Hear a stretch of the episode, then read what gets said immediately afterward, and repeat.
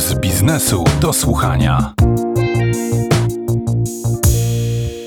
Paweł Sołtys, dzień dobry, to jest Puls Biznesu do Słuchania.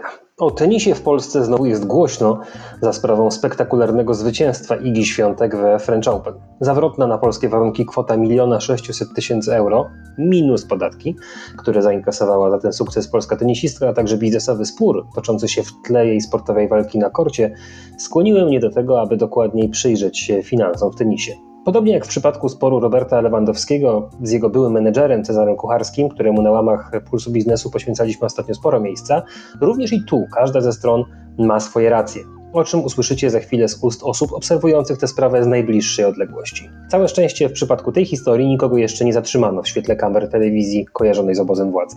Czy z tenisa da się żyć? Czy to wdzięczny sport z marketingowego punktu widzenia oraz dlaczego tak lubią go biznesmeni? Odpowiedzi w tym odcinku Pulsu Biznesu do słuchania na pewno usłyszycie.